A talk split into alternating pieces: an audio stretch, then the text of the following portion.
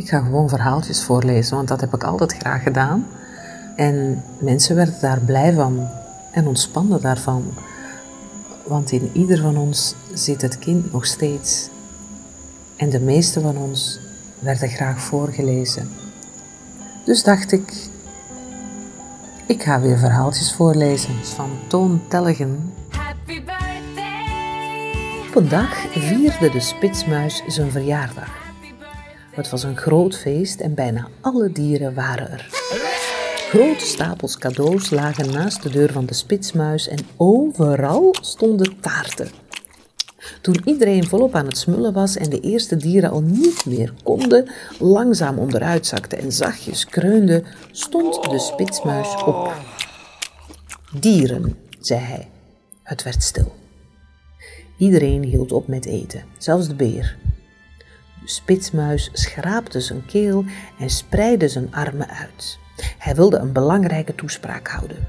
Hij wilde zelfs de belangrijkste toespraak houden die ooit was gehouden. Maar plotseling wist hij niet meer wat hij wilde zeggen. Er schoot hem niets meer van zijn toespraak te binnen en alles wat hem nog wel te binnen schoot vond hij zo onbelangrijk dat hij het niet durfde uit te spreken. Het was heel stil. Zijn armen waren nog steeds wijd uitgespreid en iedereen keek naar hem. Ik moet iets zeggen, dacht hij. Dat moet.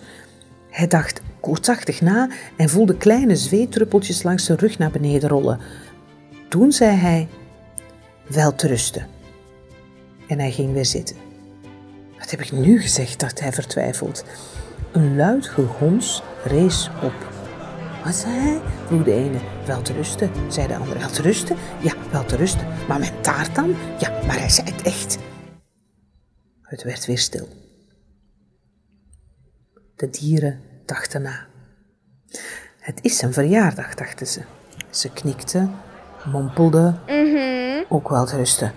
Gleden van hun stoel af op de grond of vielen met hun hoofd voorover op de tafel in slaap. De beer zorgde ervoor dat hij precies met zijn hoofd in een taart lag.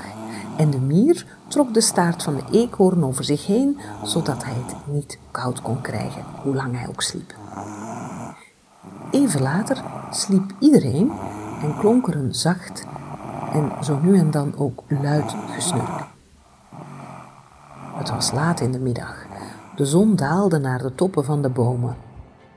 De rivier glinsterde en ook de karper, de snoek en alle andere vissen sliepen. Alleen de spitsmuis was nog wakker. Met grote ogen keek hij naar iedereen. Wat heb ik gezegd? Wat heb ik gezegd? dacht hij. Plotseling herinnerde hij zich weer alles wat hij had willen zeggen. Dieren, zei hij, dieren. Maar iedereen sliep. Toen legde de spitsmuis ook zijn hoofd op zijn arm. Ze moesten eens weten wat ik allemaal had willen zeggen, dacht hij. Ze zouden nooit meer dezelfde zijn geweest. Nooit meer. De zon ging onder. Dunne, doorzichtige nevels slopen tussen de struiken door en gleden langs de oevers van de rivier. Iedereen, maar dan ook iedereen sliep. Wel te.